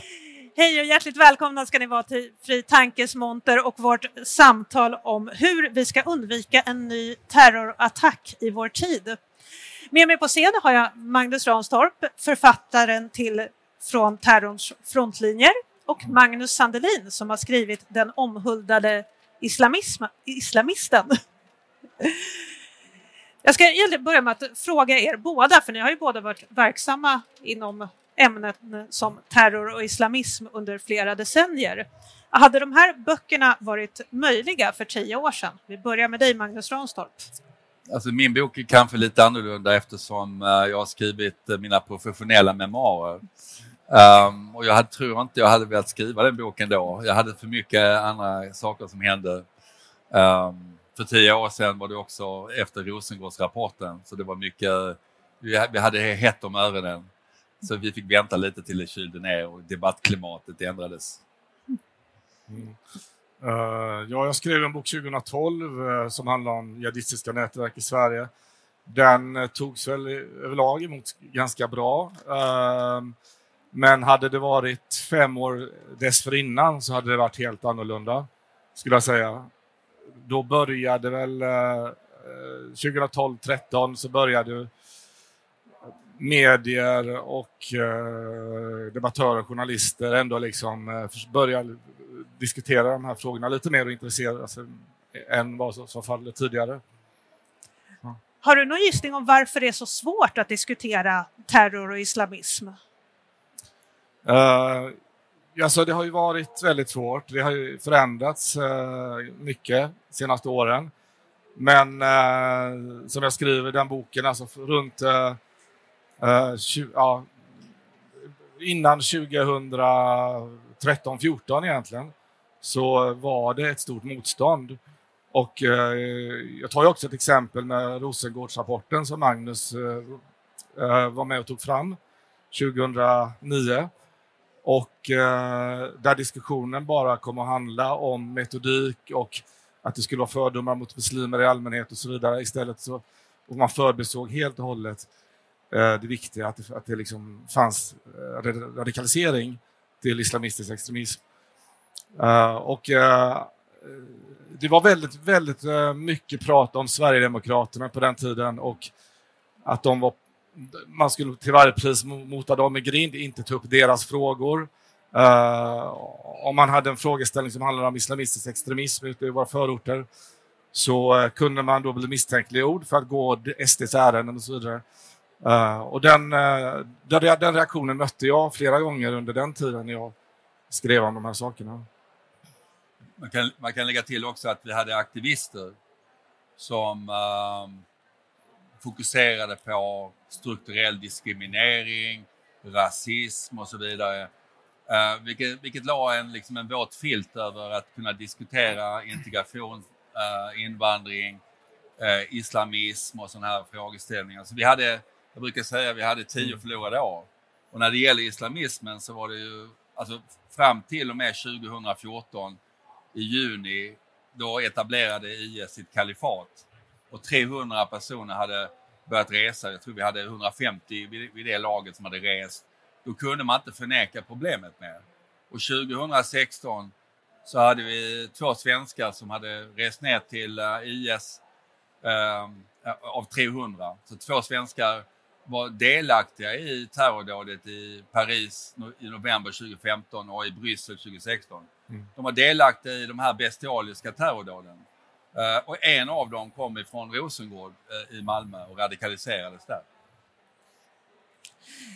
Det, jag kan ju tycka att det är ganska roligt när, eller förlåt, roligt är fel ord, men det är väldigt ironiskt när just Magnus och Magnus blir ifrågasatta och att man pratar om att de springer SDs ärenden. För det här är ju inga skrivbordsryttare utan de är ute på fältet, de pratar med folk, de träffar de här människorna som vi andra bara läser om.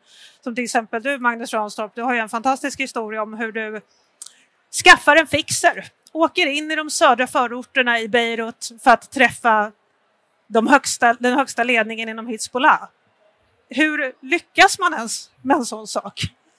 Man måste vara yngre och lite mer dumdristig än vad jag är idag. Eh, jag tror aldrig min fru hade låtit mig resa in till de här områdena. Eh, I alla fall kanske jag inte hade berättat för henne.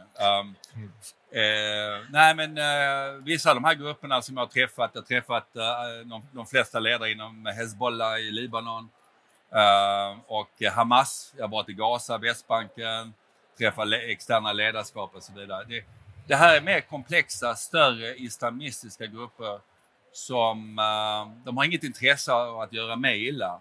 Uh, I alla fall det bedömde jag att så var inte fallet. Jag hade nog inte åkt in till IS. Jag hade, mm. alltså det blir mycket, mycket farligare uh, när det gäller att röra sig i stora geografiska områden i världen. Och Magnus, du träffar ju islamister i Sverige och pratar med dem. Hur, hur får du de här människorna att prata med dig? Mm. Uh, ja, för det första så uh, kanske en av tio som man försöker närma sig lyckas man med. Så det är väldigt många som uh, har varit avvisande. Om vi tar till exempel Eh, personer alltså runt 2014, 15, 16, 17 när jag engagerade mig mycket i granskningar kring eh, uh, IS-resenärer så att säga och återvändare. Eh, tillsammans med andra redaktioner så gjorde vi kartläggningar. Vi åkte ut och knackade dörr, ringde till personer och så vidare. Och det var jätte, jättesvårt att komma nära de här liksom, och eh, få dem att prata, men ibland lyckades det av en eller annan anledning. När personer kände att de kanske um, ville prata för, på, av en eller annan anledning helt enkelt. Uh, jag minns det var en kvinna vi åkte hem till. Hon hade kommit från, från Raqqa, uh, 20, kan det ha 2018 eh, kanske. Uh, och eh, varit hemma i tre månader. Och eh, jag och en eh, fotograf från Aftonbladet ringde på liksom, och hon öppnade och, och sa att hon ville liksom inte göra någon intervju egentligen, men vi kunde komma in ändå liksom och hon ställde lite frågor och hon, det var som att öppna en kran, alltså bara, det bara rann på, hon pratade, pratade, pratade, pratade, liksom en hel historia. Uh, och jag kände som att det var, det var någon sorts av terapi för henne att berätta för oss. Vi hade, att vi var journalister spelar liksom ingen roll. Uh, och det dröjde, alltså jag, skrev ingen artikel om detta då, utan det dröjde ett par år innan jag publicerade den här berättelsen uh, efter att hon hade avlidit då, av olika orsaker. Så att eh, jag ska säga att det är, det är svårt att få människor att prata men man, man, man får liksom eh, ha lite tur och lite, veta lite vad man ska trycka på för knappar. Men, men måste du gå tillbaka flera gånger och gräva vidare hos de här människorna eller är det en intervju per skalle? Uh, nej, finns det möjlighet så såklart vill man prata flera gånger med samma person. Ibland får man en väldigt bra kontakt. Ja, för det är det som är lite Mm. spännande, att ni lär ju känna de här människorna på djupet. Eh, och så, du Magnus, du, du eh, skriver i din bok att du möter mänskligheten bakom ondskan. Går det att förstå den här ondskan? Alltså det är ju inte mina konflikter, de här konflikterna. Jag har alltid, jag har alltid varit jättenoga att inte ta politisk ställning i det jag skriver. Um, I relation till, om vi tar Israel-Palestina-konflikten. Jag kan förstå båda sidor. Um, jag kan ju aldrig förstå att man mördar människor eller att man uh, har, gör, gör människor illa. Men eh, det är ju ofta vanliga människor, eh, eh, personer, eh, omständigheter. Eh, är man öppen för perspektiven och inte låser sig och inte heller rädd att träffa. Det är ju ofta så när man träffar personer som kanske inte håller med varandra. Om man bara sätter sig ner och tar en kopp kaffe, lyssnar, var öppen, respektfull, så är det mycket som kan lösa sig. Och, och då, det är precis som du säger, ibland öppnar det upp sig väldigt mycket. Um, eh, och det är ju liksom intressant. Men det, det viktiga också, och det har du säkerligen också reflekterat över, det är att du kan visualisera de områdena du besöker. Du kan se människorna, du ser hur de beter sig, hur- du ser hur de diskuterar och pratar. Och det är en viktig del, vare sig du är diplomat eller om du är, ja, intervjuar islamister eller extremister. Mm. Eh, Magnus, eh, vad det gäller vår förståelse för islamism och islamister, vad är det allmänheten missar? Vad är det du önskar? Vilken kunskap önskar du kunde sippra ner till det allmänna medvetandet? Alltså det som är viktigt att vara medveten om är ju att det här handlar ju inte om eh, personer med åsikter om vissa saker utan de vill ju omvälva hela samhället i grunden. Ett, eh, och eh, ja, avskaffa demokratin. Liksom. Att påverka och liksom under tiden här nu så, så eh, påverkar människor med de här övertygelserna sina grannar eller sina arbetskamrater och så vidare som att eh, ja, leva enligt deras sätt att se vad som är rätt. Då. Um, och så det är en väldigt det är en väldigt eh, fundamentalistisk, eh, ja, lite rabiat syn på, på saker och ting. Så, ja. De försöker inte bara övertyga, de också piskar in omgivningen. Och ofta kvinnor och barn, de blir lidande av det här. Och då brukar jag ofta säga att eh, det är viktigt också att fokusera på hedersförtryck. För eh, om man fokuserar på hedersförtryck så kan man också tackla islamismen. Och de begränsningar som islamister gör, framförallt på kvinnor och andra. Vår värdegrund i Sverige, eh, du blinkar inte? Eh, det är eh, demokrati, rättsstaten, respekt för individuella mänskliga fri och rättigheter, inklusive jämställdhet. Vi diskuterar alldeles för lite idag om just jämställdhet och eh, islamismens roll. Eh, det är en jätteviktig del. Eh, vi, har, vi fokuserar på mänskliga, fri, alltså mänskliga rättigheter utomlands. Det ska vi göra också. Men vi måste också titta att det lever väldigt många människor i Sverige ungdomar, flickor framförallt eh, barn som inte har den här friheten. Och det är viktigt att de får den friheten. Eh, det är därför jag gör mitt jobb. Jag tror också du gör det jobbet. För att de, de här krafterna står emot de demokratiska värderingar som vi har. Men om man är en helt vanlig person så att säga och inte jobbar med de här frågorna men ändå börjar inse att det här faktiskt är ett problem. Finns det någonting som gemene man skulle kunna göra för att hjälpa kampen mot terror och islamism? Oj, började du?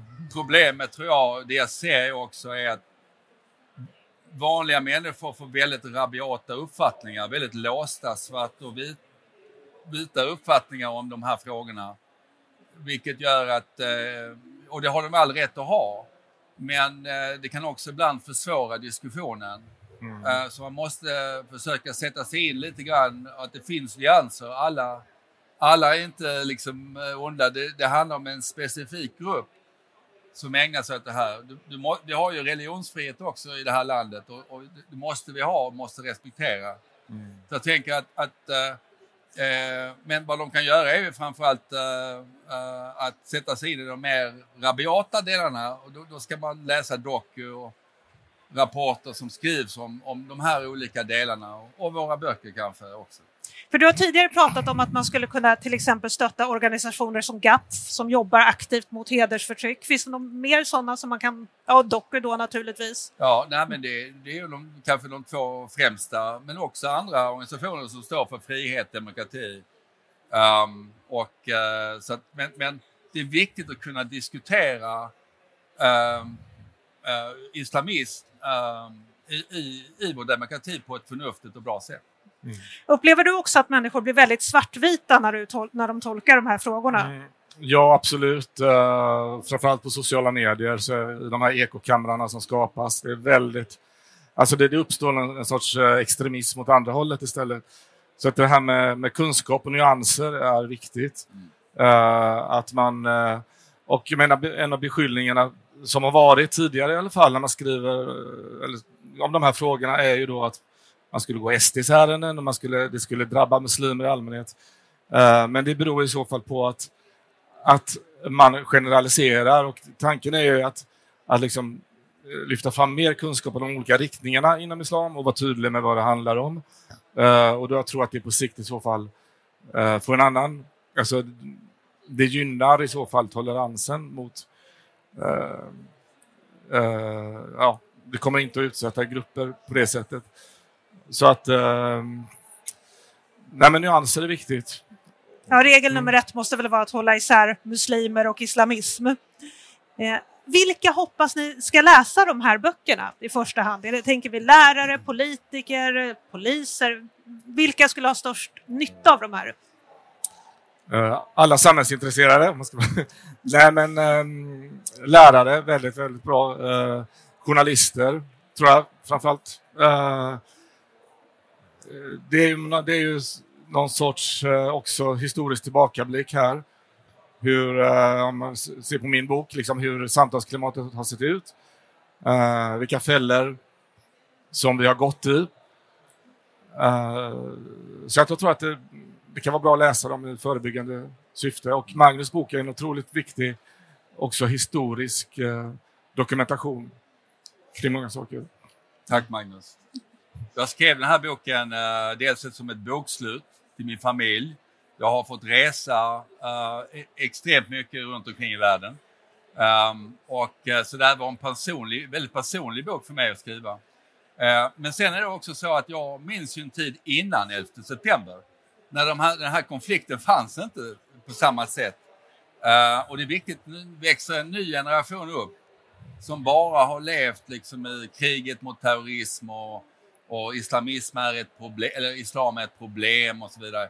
Och det är en oerhörd polarisering. Uh, så att uh, det är en resa. Jag tar även också upp uh, eh, radikal nationalism och högerextremism och så vidare. Eh, så att det, det, det är en, en bred bok. Eh, jag börjar boken eh, med Lockerbie eh, 1988 när ett eh, passagerarplan eh, sprängdes i luften med 259 passagerare och, Mm. och motorn och cockpit eh, landade på, eh, på en stad eh, i Lockerbie, alltså en liten by egentligen, som dödade 11 personer på marken. Um, och, så att det är liksom historiska nedslag där jag också har en personlig koppling till att ha antingen känt person eller också rest. Och min sista skäl till varför jag skrev boken är att när, när man blir presenterad, nu, jag tyckte du hade en fin presentation, men ofta när man blir presenterad säger man ja, Magnus Ranstorp, känd från TV. Eh, och det blir liksom, okej, det, här, är det här allt jag har gjort? Så jag tänkte, okej, nu en gång för alla ska jag skriva ner. Här är. CVt. Ja, här är lite, lite CVt, men också jag har varit med om otroligt spännande saker som har burit inom mig. Som jag ville få ut, så det har varit liksom lite terapi för mig också. Ja. Okej, och avslutningsvis då. Hur undviker vi en terrorattack i vår tid? Jag tror vi måste tänka, alltså nu, jag tror temat var hur undviker vi närtid liksom och det, det, det handlar kanske mer om polisiärt arbete men alltså, annars måste vi tänka långsiktigt. Vi måste, vi måste veta vilka organisationer och rörelser som vi, samhället ger pengar till. Uh, vi måste känna igen liksom, de här olika miljöerna. Vad är det för Alltså vad, hur stå, vad står de? Vad, hur ser de på demokrati, på, på svenska samhället? Uh, inte minst med tanke också på alla konspirationsteorier om Sverige som figurerar, påverkanskampanjer. Uh, så det, ja, det är, ett, det är ett stort arbete, men kunskap. Mm. Uh, Stöd Doku. De arbetar ideellt, så de granskar. Där har Magnus och Sofie Lövenmark och andra har varit helt eh, centrala i att gräva fram det kanske andra journalister inte gjort för att ge en bild av vad är det som händer. Eh, men sen har vi en situation just nu där Sverige har aldrig varit i en mer allvarliga säkerhetsläge än nu. Anledningen till det är att under 18 månader har eh, Sverigebilden förändrats. Det vill säga genom LVU-kampanjen, genom koranbränningarna så har det matats ut till hundra miljontals människor varje dag under ett och ett halvt år att Sverige är muslimfientligt, islamfientligt. Uh, och de här falska narrativen har idag lett till att terrorgrupper, islamiska organisationer fokuserar in på Sverige uh, och, vi, och, och, ser det som uh, en, en lätt måltavla. Många av de här grupperna har, har lite kommit i skymundan. De är de, man har decimerat dem, eh, de har haft det svårt eh, att eh, liksom, eh, ja, eh, få kraft och makt, framförallt i IS men också Al-Qaida. Och nu är det så att kan du slå mot Sverige, kan du slå mot Danmark, då är det back in business. Då, då, då är du tillbaka och då skickar du signaler till övriga. Så att det är den utmaningen som Säkerhetspolisen och andra står inför. När du har sånt extremt fokus på just Sverige i så negativa termer. Det är det som har verkligen förändrats. Så det är det mest akuta. Men hur vänder man en, en negativ Sverigebild? Ja, det får bli ett helt annat samtal för tiden springer ifrån oss. Så sammanfattningsvis, stöd GAPF, stöd Doku, läs de här böckerna. Stannar ni kvar och signerar? Ja. Och, Toppen, ja. författarna är kvar och signerar. Ja. Magnus Ranstorp, Magnus Sandelin, stort tack för att ni kom hit. Stort tack, tack för att ni har lyssnat. Tack.